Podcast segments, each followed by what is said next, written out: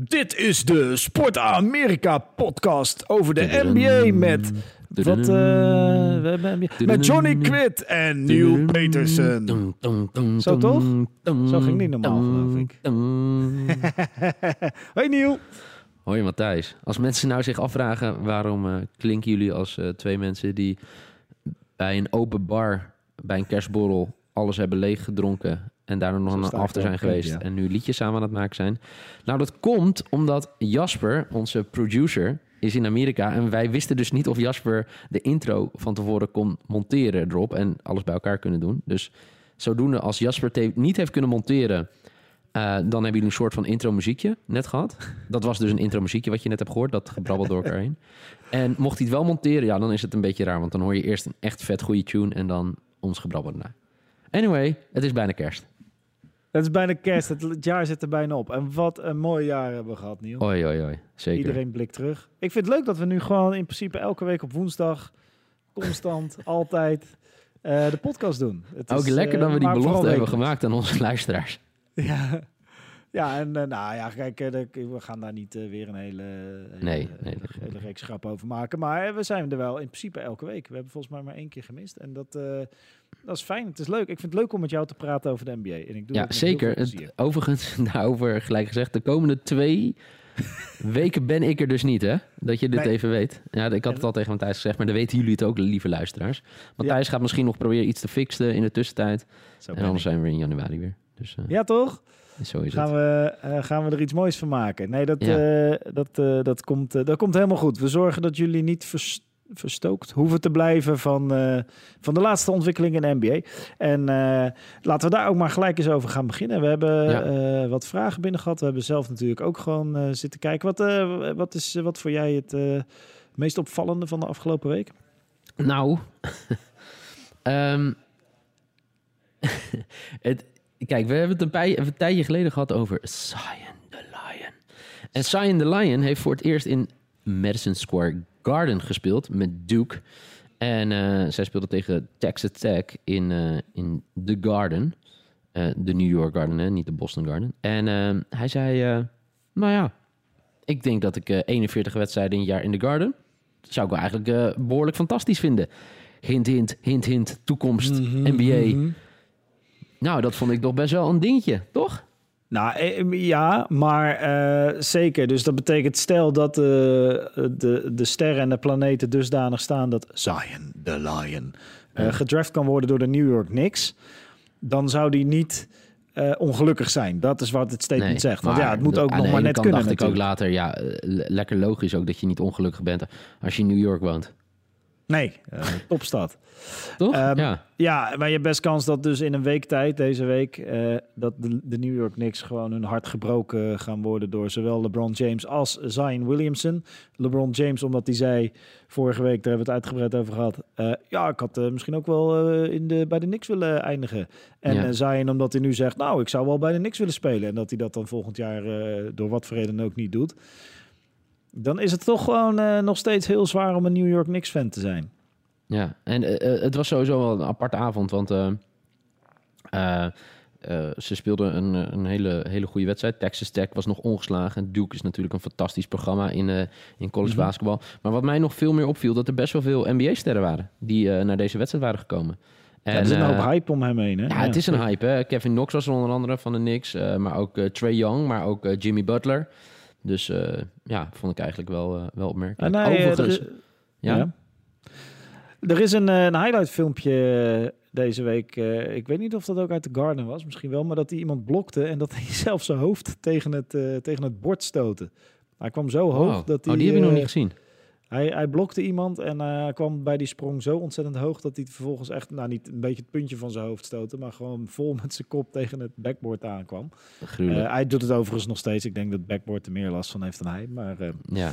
ja, was wel een heftig, heftig clipje. Nee, want ik zei Jimmy. Butler was aan het kijken. Overigens een luistertip voor onze lieve NBA-vrienden die deze podcast luisteren. Ja. Rachel Nichols was deze week de gast bij mijn favoriete Amerikaanse podcast, Pardon My Take. En ehm, daar heeft ze even uit de doeken gedaan hoe het is gegaan met Jimmy Butler afgelopen zomer in Minnesota.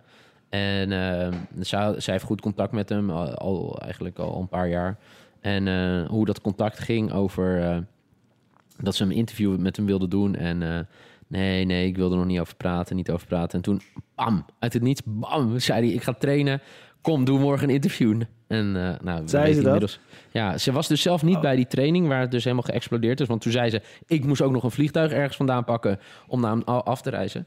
Maar eh, meer over eh, dat sommige mensen dachten, ik zag het ook op Twitter, eh, van eh, wat een toeval dat je dan eh, eh, dat je hem tegenkomt, Butler. En dat zei zij, toeval, toeval. Er is maanden van werk geweest om überhaupt hem voor een camera te krijgen. En natuurlijk ben ik goed met hem, maar ja, hij is de superster. Hij wil, moet op een gegeven moment gaan praten. Maar het was heel tof. Rachel Nichols vind ik Oh, zo heel grappig. tof. En altijd goed om andere podcast hier te duiden. Ja, absoluut. Nou, er is eh dat volgens mij twee weken geleden dat Jimmy Butler bij JJ Reddick, of drie weken geleden inmiddels. Ja. En ehm, eh, daar zei hij dat die afspraak met het interview al drie weken stond. Dus ik weet niet of ze nou elkaar tegenspreken of Echt? dat ik eh, dingen verkeerd begrepen heb. Ja, hij zei, joh, het viel allemaal wel mee. En eh, dat was die podcast waarin hij ook zei, ik heb tijdens dat hele potje dat we wonnen Ja, één keer toch? maar één keer geschoten. Ja, nou, Ja, daar ging ook, het ja, dus dat over. interview was toevallig daarna. Hij zei, dat stond al gepland, al drie weken lang. Oh nee, niet drie weken lang wat ik hoorde. Ja, maar goed. nee, eh, dus, eh, of wij snappen bijzonder. allebei Engels niet, dan moeten we gewoon Nederlandse podcast gaan luisteren. Onze eigen podcast Ja. elke dag gaan luisteren. Anyway, Overigens, dat, eh, de, over nu heel kort over andere podcast. Winging It van The Ringer. Ja. Tenminste wel weer van de, want die hebben gewoon de beste basketbalpodcast op dit moment. Of een paar van de beste. JJ Reddick zit daar, maar ook ehm, eh, Winging It van Vince Carter en Kent Bazemore van de Atlanta Hawks. En zij hadden vorige week Stephen Curry waar, eh, en Iguodala, waar heel dat verhaal over die maanlanding eh, uit is gekomen van eh, Curry. Overigens nog geweldig getrold door de Sacramento Kings. Die tijdens een wedstrijd tegen de Warriors speelden ze allemaal clips van de maanlanding af op de grote Jumbotron in de arena. Daar kon Curry ook wel om lachen. mooi hè? Maar Ja. deze week hadden ze Jeremy Lin. En dat is ook, die speelt nu ook bij de Oh, Hawks. Hij speelt Heel nog. interessant, ja, een heel interessant verhaal over hoe hij het allemaal maar net gered heeft. En hoe hij elke keer op het laatste moment toch nog een kans kreeg. En eh, eh, hoe het is voor een speler die, eh, want dat is Kent Bazemore ook, die nooit gedraft is. Hoe die dan Ja. toch zo Harvard toch? nou ja, uiteindelijk zijn draai weet te vinden in... ja, Harvard zat hij, ja. Zijn Ja. draai te vinden in, ehm, in de NBA. En heel interessant, heel leuk ook. En het is wel, er zit een hoop inside joke in. Dat je echt denkt, oké, ik mis hier een paar grappen... omdat ik niet in de, in de groepsapp zit van de Atlanta Hawks. Maar... ehm, Heel interessante podcast. En ook een hele goede. eh, deze ook voor jou heel interessant. Zack Lowe had eh, van de week had hij Jackie McMullen, heet ze geloof ik. En eh, zij is een wat, wat oudere vrouw, maar die volgt al jarenlang de Boston Celtics op de voet. Tof. En dat is een hele interessante podcast als je toevallig, ik weet niet of jij mensen kent die dit hebben, Celtics-fan zijn. Dan is dit een hele interessante podcast, want het gaat ja, voor mij echt, lopen hier wat mensen in Amsterdam. Ik zal ze een keer aanspreken als ze iets Ja. groens aan hebben. En zij heeft dat artikel geschreven op volgens mij ESPN over Jalen Brown eh, enkele weken geleden. Ja. Of twee weken geleden, drie weken geleden. eh, waarin ze, eh, nou ja, waarin ze dat volgens mij een fantastisch artikel. En de podcast, daar hebben ze het veel over Jalen Brown. En over de toekomst van de Celtics. En ehm, ja, dat, is- dat is heel interessant. Nu we het daar toch over hebben, kijk, gelijk een mooi bruggetje. Dan gaan we het eens hebben over, want Pascal Vanenburg... eh, heeft eh, input geleverd aan deze show. En eh, hij vraagt of we het willen hebben over de Lakers en Anthony Davis. En Anthony Davis en de Lakers. En misschien ook nog wat over de Lakers. Maar laten we eens beginnen met Anthony Davis, want dat is het brugje. Wat ik dus hoor in de wandelgangen, en ik kom in veel NBA-wandelgangen, is dat de Celtics op dit moment de beste papieren Ja, ja. hebben om Anthony Davis aan te trekken. Ja, ja, ik heb het ook gehoord. Ik, ik denk dat je als Laker-fan toch wel een beetje bang moet worden van Danny Ainge. Want als Danny Ainge eenmaal iets in zijn hoofd heeft, ja, dan gaat het er niet zo heel makkelijk uit. Eh, hij werkte vrij ruksigloos, gaat hij te werk. Onze grote general manager van de Boston Celtics. Eh, ik heb het ook gehoord. Ehm, maar aan de andere kant, ja, ze hadden toch ook gegeten van de week, hoorde ik weer. Oh, dat weet ik niet. Dat is een goed gerucht. Ja, ik, ik, ik, eh, ik zit even op te zoeken. Voor mij hoorde ik het. vraag het zo even aan Carmelo Anthony. Die is op dit moment hier stroombedrading aan het trekken. Dus als je wat rumoer hoort straks, dan is dat eh, Carmelo Anthony die probeert de meterkast te fixen in het bedrijf. Maar goed, ga verder. Anthony Ja. Davis bij de oh Celtics. ja, LeBron James heeft het natuurlijk gezegd, dat was het. En eh, daar heeft eh, Anthony Davis op gereageerd. Want ja. LeBron James zei, it would be amazing to play with Anthony Davis in Los Angeles. En toen zei Anthony stemmetje Davis... als je het over LeBron James hebt? Uh, yeah, uh, LeBron James really talks like this, but he has done something with his voice. So on TV, Nou, Oké. Anty- eh, anyway, Anthony Davis heeft daarop eh, gereageerd best wel hard. I don't really care over dat LeBron James graag met hem wil samenspelen. Wow. Officially, it's cool to hear any high caliber, caliber player say they want to play with me. But my job is to turn this team around. If we're Oh, 15, ja. 17, that means I'm not doing my job. Ja, redelijk eh, media getraind dus. Ehm, maar wat jij Ja, al zei, Anthony... hij heeft natuurlijk, eh, dat zegt hij in de media inderdaad, media getraind. Maar hij heeft ondertussen natuurlijk LeBron James in zijn DM alleen maar eh, fire emoties gestuurd. Ja, maar één ding is zeker. zij- hij gaat daar niet nog lang spelen, toch? Nee, nou nee, dat, ik weet niet wat de Pel- Pelicans hebben een beetje nu. Wat de Milwaukee Bucks over een jaar of twee gaan hebben met uh, Antetokounmpo. En wat hiervoor bijvoorbeeld... eh, ja, ze kunnen zo'n supercontract kunnen ze uitdelen. Kleine teams uit de kleine markt, die kunnen eh, van die megamax, eh, supermax deals aanbieden aan spelers. En tot nu San Antonio en Kawhi Leonard, die hebben ook zo'n iets, iets, iets van 220 of 230 miljoen dollar voor vier of vijf jaar. Vijf jaar zal het wel zijn. Ja. En Eh, ehm, overigens- tot nu toe heeft geen enkele speler heeft dat contract dus aangenomen. Kawhi Leonard Nee. is ervan weggelopen en er is, Mhm. ik vergeet nu één of twee andere voorbeelden. En Anthony Davis heeft daar ook recht op. Mm, weet je wat het is met Anthony Davis? Ehm, eh, ik denk dat zijn persoonlijke voorkeur, in goed ik eh, Anthony ken, gaat naar samenspelen met eh, LeBron. Dat zegt mijn gevoel. Maar aan de andere Ja. kant, als je nu ziet wat de Celtics willen gaan bieden hè, om hem te halen, dat wil ik aan jou, van jou weten. Jason Tatum. Die zullen ze, willen ze op het bord zetten om hem binnen te halen. En ja, dan zijn de Lakers dus de kansloos. als we in Adrian Wojnarowski, hè? Woj. Woj, een Woj-bom. Maar eh, als we Woj mogen geloven, if the Celtics were willing to put Tatum in a deal, there's nothing the Lakers could do to match. Ja, nee, dat is zo, toch? zeker waar. Ja, nee, dat is zeker waar. Als je Tate, maar dat is dus de vraag. Gaan de Celtics dat doen? En dit is de situatie. Anthony Davis heeft een contract tot eh, niet deze zomer, maar de zomer erop. Dus dat betekent als ze van de zomer zou je hem natuurlijk, of, of misschien nu al in februari, zou je voor hem kunnen traden.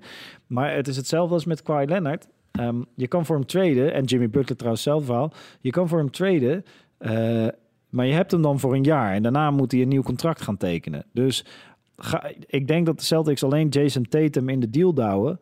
eh, als ze zeker weten dat eh, Anthony Davis langer dan een jaar bij de Celtics speelt. Ze gaan natuurlijk niet Tatum weggeven, Nee, een jaartje inderdaad. genieten van Anthony Davis en dan Davis kwijt zijn. Want dan alles wat je de afgelopen jaren hebt opgebouwd is dan voor niks geweest. Dus ik denk dat ze alleen Jason... Tuurlijk, als Jason Tatum in de deal zit... dan zijn de Pelicans gek als ze de, de deal niet aannemen. En er is er geen enkel andere team dat die deal kan matchen. Maar de vraag is, gaan de Celtics dat doen? Want ik denk dat ze dan wel garantie willen van Anthony Davis... dat hij, zeg maar, binnen een week nadat die trade gedaan is... dat hij meteen een extension tekent. Want ehm, voor één jaar, als ze één jaar Anthony Davis... is niet... eh, is het niet waard om Jason Tatum op te geven. Misschien wel Jalen Brown. Dat zou wel kunnen, dat je Ja. Jalen Brown meestuurt. Eh, die ook nog gewoon een, fantastische NBA-speler zou kunnen worden. maar op dit moment een beetje in een dip zit. Maar moet je zover gaan? Wat, wat denk jij? Als je Anthony Davis 100% zeker weten voor langer dan eh, het huidige contract hebt, dus langer dan volgend seizoen, eh, dan is de win-now factor van Anthony Davis wel groter dan Jason Tatum. Ja, dat denk ik. Eh, weet je niet zeker of je Anthony Davis nog hebt na één seizoen, dan moet je Jason, Jason Tatum Jason houden, houden. want, want, want die gaat gewoon, ik denk, die heeft de potentie om ehm, het niveau van Kobe Bryant te halen. Oké. En eh, ja, zo'n speler, je wil natuurlijk niet eh, zo'n speler kwijtraken. Maar dat is niet win now, dat, dat duurt een paar jaar. Ja. Overigens, echt heel mooi hè. Die Alvin Gentry, dat is de headcoach van de Pelicans. Ja. Die heeft gezegd, allemaal leuk en aardig wat iedereen eh, roept. We're not trading him. Ja, ja. ja dat kan ook Ja. nog steeds, hè? Ja. Het kan gewoon dat de Pelicans zeggen nu. En dat hij dus nog gewoon anderhalf jaar bij, bij de Pelicans speelt. En dan geven ze zichzelf anderhalf jaar de tijd om eh, een, een, een team samen te stellen wat kampioenschappen kan winnen met Anthony Davis. En doen ze dat niet komend anderhalf jaar. En nou ja, je ziet zelf ook al in hoe lastig dat wordt. Eh, ja, dan kan het zo zijn dat hij over anderhalf jaar dat zijn contract voorbij is en dat hij gewoon weggaat en dat ze er niks voor terugkrijgen. Dus uiteindelijk zullen de Pelicans hem traden. Eh, is het niet deze zomer, dan wel volgende winter.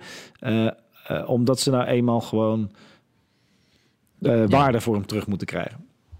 Ik denk dat het Denk ik. uiteindelijk... Ja, het, is, het, is, eh, het gaat tussen wie gaat het beste aanbod doen... en hoe ver gaat Kyrie bijvoorbeeld zeg maar in, in, in zijn lobby... hoe ver gaat LeBron in zijn lobby... Ja, het is... Wow, het is zo lastig, jongen. Ja, hij zal, eh, eh, denk ik, anderhalf, eh, eh, zeg maar een jaar. Het ligt een beetje aan of er een trade plaatsvindt. Maar hij zal sowieso een jaar lang, een anderhalf jaar lang, de, de meeste, de, de spelers zijn waar Boston het meest mee schijnt al een jaar bezig te zijn, hè? Ja, dat zal wel, ja. Net zoals eh, Clippers nu dit jaar heel veel inzetten op Kawhi Leonard om volgend jaar Kawhi Leonard te halen. Daar Ja. dus, volgens mij zit er bijna elke wedstrijd van de Raptors zit er een vertegenwoordiger van de Clippers op de tribune, Ja, ja. eh, et cetera. Overigens, Ehm, oh, eh, de Warriors hè, waren ook ooit geïnteresseerd in hem. In Davis. Ja, Ja, en nu hebben hoe- ze Cousins. Ja, wa- want eh, zou dat voor jou een optie zijn? Cousins weer wegdonderen en dan Cousins die net weer normaal kan lopen en kan rennen. Ja. nou ja, dit klinkt een beetje arrogant en dat is het ook, maar eh, op dit moment heb je hem niet nodig. Nee. En eh, dat ligt een beetje aan. Kijk, bij de Warriors is het gewoon heel. Daar hangt alles valt of staat met wat Kevin Durant komende zomer doet. Blijft hij bij de Warriors, dan zul je bijvoorbeeld Draymond Green of Clay, Klay Thompson eh, moeten gaan traden. Want je kan niet vier max spelers, want ook eh, Draymond Green en Klay Thompson komen in aanmerking voor die supermax. Ja, ja. Dus dan heb je Durant, Green, Thompson en Curry die eh, zoveel geld verdienen dat je, nou ja, dan kun je misschien net eh, twee spelers van Heren 2 nog, eh Westland Stars Heren 2 nog aanschaffen en dan ben je Ja. vol. Dan heb je meer geld heb je niet. Dus, dat, dat, dus als Durant blijft bij de Warriors, dan zullen ze iets moeten doen met Green of met Thompson. En ik denk ik eerder Green dan Thompson. Gaat Durant weg, ja, dan zijn de opties open. Ga je, dan kunnen ze besluiten, we gaan gewoon weer verder met Green, Thompson en Curry. Maar Curry is blessuregevoelig. En ehm, eh, eh, Green heeft ook, dat, daar roept iedereen nu van, die speelt ook een type spel dat hij waarschijnlijk op een gegeven moment, eh, hoe noem je dat, een hard verval ingaat. Dus die, die, eh, die zal heel snel minder relevant worden. Ja, als je hem dan nog drie jaar 40 miljoen per jaar moet betalen, dan word je er niet gelukkig van. Eh, dus ja, dan, dan ineens zijn ze wel weer interessant voor Anthony Davis. Maar het hangt gewoon volledig af van wat Kevin Durant doet. Ja. Dude. Dus overigens, Dus. eh, ja, nee, eh, wat je, eh, wat je nu we het toch over trades hebben en allemaal weergeloze, fantastische trades die plaats kunnen vinden en wat de NBA gewoon super vet maakt, zijn dit soort trades en potentiële trades. Tuurlijk. Wat de NBA andere kant ook super vet maakt, is een trade zoals we vorige week vrijdag hadden. Thijs Frank vraagt er ook naar op Twitter. De mislukte trade tussen Phoenix, Memphis en Washington. Ik had Ja. het dus niet door. Ik kreeg het pas zondag, las ik pas een samenvatting en had ik dus pas door wat voor idioterie er was gebeurd. Ik weet niet of jij het meekreeg vorige week. Nee, ik heb het niet. Ik, ik, kreeg, ja, ik heb het nu wel gelezen, maar ik kreeg het op dat moment niet mee. Nee. nee. Oké.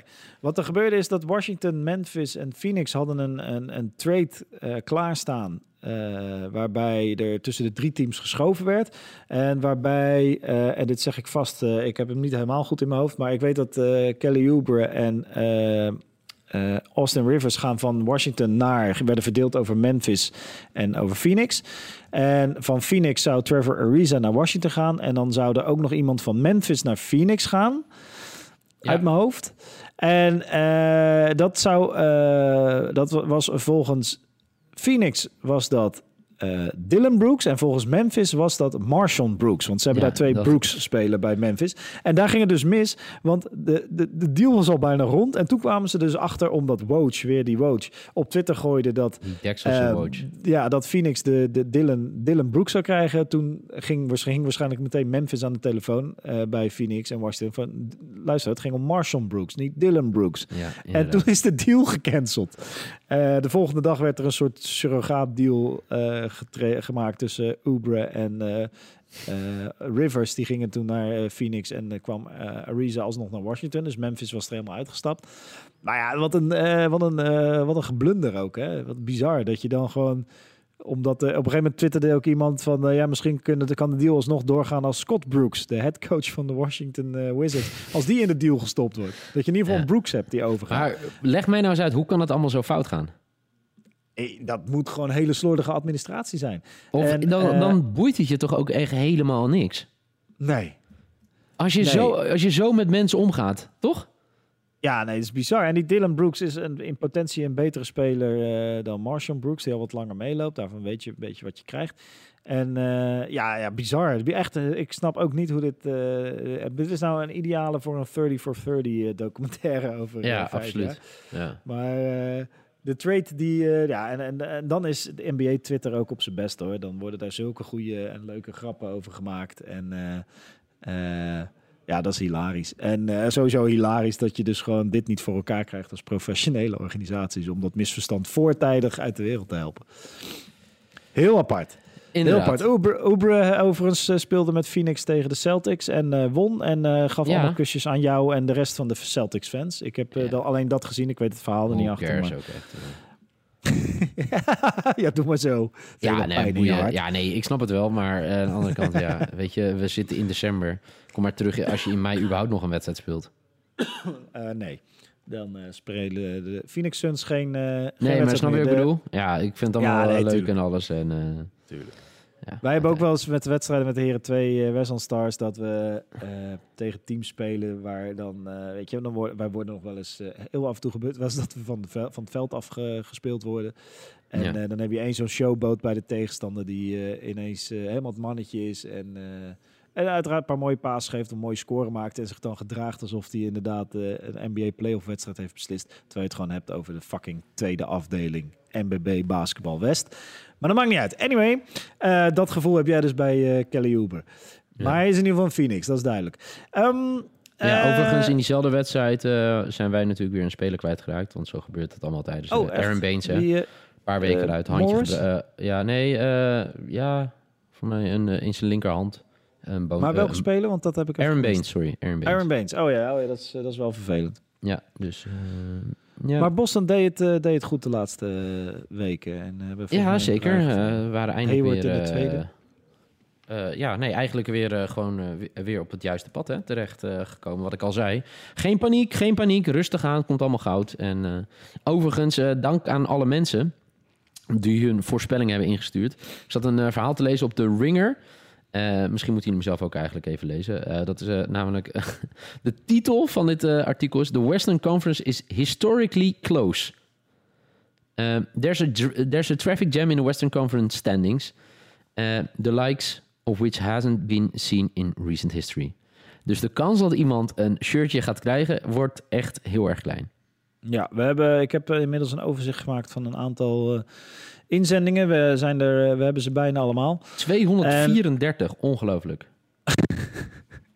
Ja, nou, en dan vergeet je nog een nulletje. 2350 eh, inzendingen. Lekker, En, ehm, eh, maar geen één inzending is hetzelfde tot nu toe. nee, dat Dus, vind ik echt, eh, echt klasse, jongens. Het lijkt wel of ja. jullie allemaal in een appgroep zitten over deze podcast. En dat jullie dan zeggen, als jij, nee, ja, die is al ingestuurd. Ik kan niet. Dus vooralsnog hoeven we, is de kans dat we twee shirtjes moeten weggeven vrij miniem. Maar goed.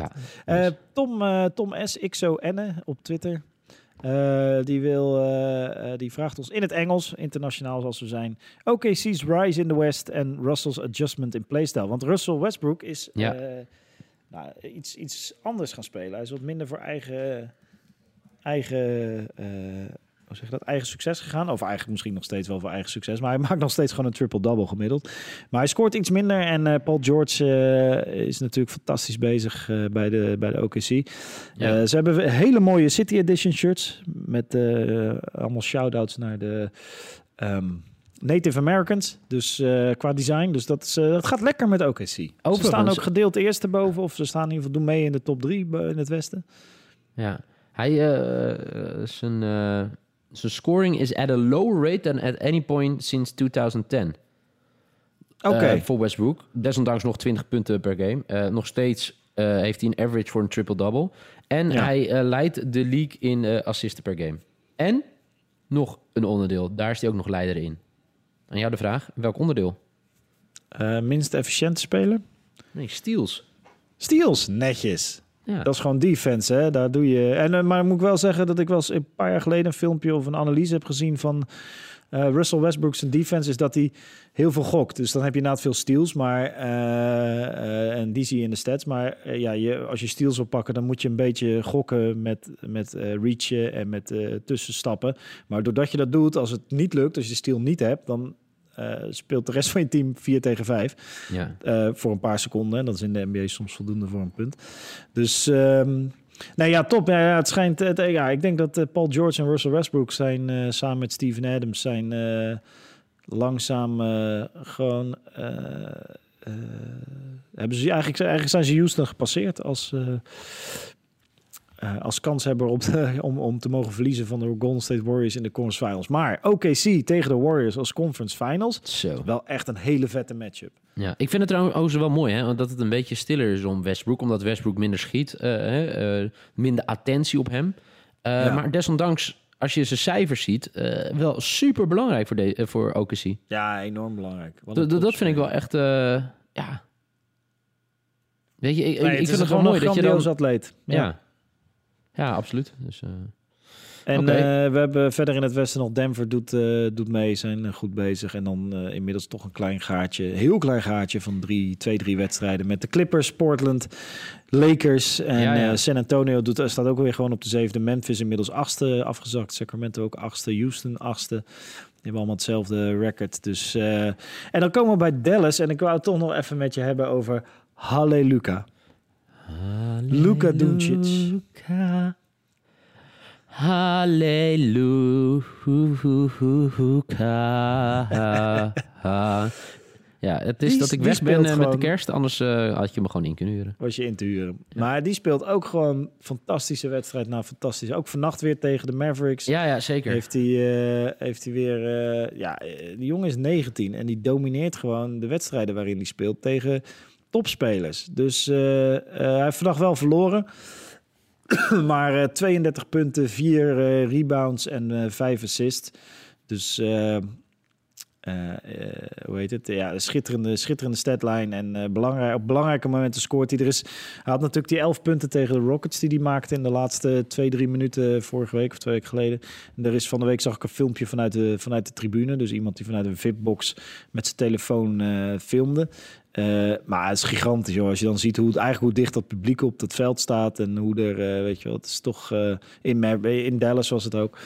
Ja, fantastisch. De jongen heeft gewoon nu al een stempel op de NBA gedrukt. En in, de, in de trade, hoe noem je dat? Wat Bill Simmons nu weer gedaan heeft. ja, fantastisch trouwens.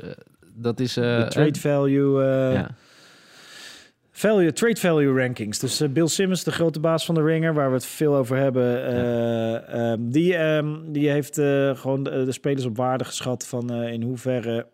wat is een, een waarde in een trade? En Luca Doncic staat nu op vijf. En ik zag hem na gisteren zag ik hem twitteren dat hij Luca Doncic misschien naar plek drie gaat opschuiven. Gewoon Ja. vanwege hoe fantastisch die speler is.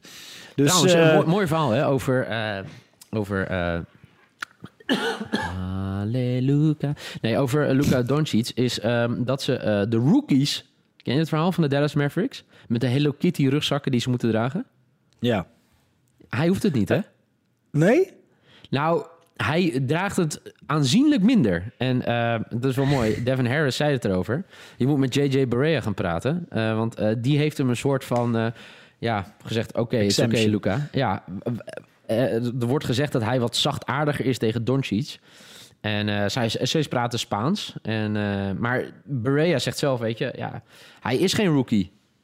Nee, hij heeft al professioneel gespeeld vorige jaren. Ja, Al sinds de zestiende of zo speelt ja, het is gewoon een ander, soort speler. En eh, ja...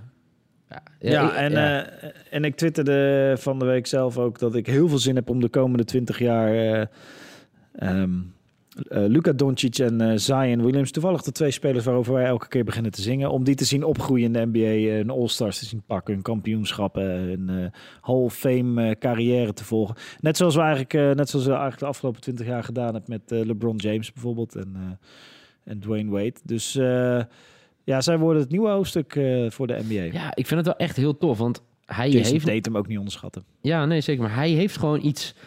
Ja, het is natuurlijk... Het is een rookie, maar ook weer niet. En dat maakt hem zo tof. En eh, hulde voor de mensen die hem natuurlijk al in... eh, in eh, in, hij speelde bij Madrid, toch? Ja, bij Madrid hebben Ja. zien basketballen in Europa. Want die hebben dus al een voorproefje gezien van hoe goed hij is. Heeft nu nog betere spelers om zich heen. Krijgt het vertrouwen, dat super belangrijk is natuurlijk bij jonge, jonge spelers. En laat het ook gewoon zien. Ja, nee, dat is schitterend. En Die, eh, die, eh, dat, dat doet hij gewoon fantastisch. Het wordt een, eh, een schitterende speler. Ja. Ah, dat vind ik ook, want daarover, hè, hoe goed is dan Europa, hè, zeg maar, qua niveau. Mike D'Antoni heeft dat ook gezegd. Hè. Die heeft voor mij ook in Italië gespeeld. Voor mij Ja, ook coach geweest. gecoacht. Ja. zei die, ja, als je 17, 18 bent en je maakt alles kapot in Europa, dat is gewoon super knap. Ja, ja, ja, dat is heel knap. En dat is waar wij allemaal van droomden toen we 15, nog- 16, nog 17 steeds. waren. Ik Maar we nog steeds, hoor. Dat is wel waar. Is wel waar. Hey, eh, nou, Carmelo Anthony gaat nu echt boren. Dus eh, eh, oh, oké, heel goed. we, gaan hem, we gaan hem lekker afronden. En ik wens jou... Waar ga je, ga ik, mag je aan het publiek vertellen waar je heen gaat? Of Zeker. kan dat niet vanwege je stalkers? de, de mensen die mij een beetje goed kennen weten dat ik een nog vrij warrig persoon ben. En aangezien ik een, een relatie heb met een KLM-medewerker, mogen wij eh, goedkoper vliegen. En eh, we zouden naar de Filipijnen gaan. Dat is een beetje lastig, aangezien die Filipijnen eh, nogal... Dicht zijn? Een, nou, nee, nogal een, eh, een, eh, een keuze is die wel meer mensen hebben gemaakt. Dus Oh, eh, er zijn weinig eh, plekken op dat vliegtuig waar wij mee kunnen. Eh, de keuze gaat nu tussen eh, Thailand of Argentinië. U zegt dus linksaf of rechtsaf. En, ik zeg eh, Argentinië. ja, dus eh, ja, daar, eh, eh, ja als je naar basketbal zou gaan kijken, dan Argentinië. Sowieso Argentinië. niet. Filipijnen ook heel groot, hè? NBA. Iedereen gaat dan naar Thailand. Ga lekker naar een land waar niet zoveel Ja, mensen gaan. aangezien het in Argentinië. Argentinië 88 graden is en geen strand, gaat mijn voorkeur op dit moment uit naar Thailand. Maar wie weet dat het kan veranderen. Oh, oh, oh. Mag ik jou bedanken voor een fantastisch 2018, de start van de NBA-podcast. Van der Beukel. wederzijds dank. eh, Het is ooit ja. begonnen als een soort grapje en eh, inmiddels eh, hebben we er weet ik niet hoeveel al opgenomen. En eh, raken wij nog wekelijks ontroerd door de lieve berichten die we krijgen. Mhm. Eh, zowel op Twitter, eh, de recensies die we lezen of eh, gewoon via de app van mensen die zeggen, hé hey, wat leuk. Eh, dank vooral aan jullie eigenlijk allemaal. Ja, nee, eh, de luisteraars bedankt voor een mooi jaar. En eh, we gaan gewoon eh, verder. Sterker nog, ik zal er eh, denk ik nog eh, misschien wel één of twee eh, opnemen met, eh, met leuk. gasten. Ja. En, En, eh, ik wil jullie natuurlijk allemaal, de lieve luisteraars, hele fijne feestdagen toewensen. Geniet ervan met vrienden, familie, geliefden, honden, katten, eigenlijk met iedereen. En ik wil je heel veel, gewoon heel veel liefde, geluk en heel veel gezondheid. En natuurlijk heel veel NBA-plezier toewensen alvast voor eh, 2019. Ik Zo. had het niet beter kunnen zeggen, Niel. Fantastisch. Mensen, tot ziens. Niel, fijne Moeten we nou vakantie. die en we outro spreken elkaar weer in het nieuwe jaar. Of laten we die outro? Die outro Is er ook eh, een, eh, is er ook een eh, outro altijd? ja, Die vorige hoor keer heeft Jasper natuurlijk Halleluja eronder. Nou, laten we voor wat het is. Oh, ja. We sparen onze stem voor de kerstdagen. Dank Matthijs en eh, tot in het nieuwe jaar. Tot in het nieuwe jaar, mensen.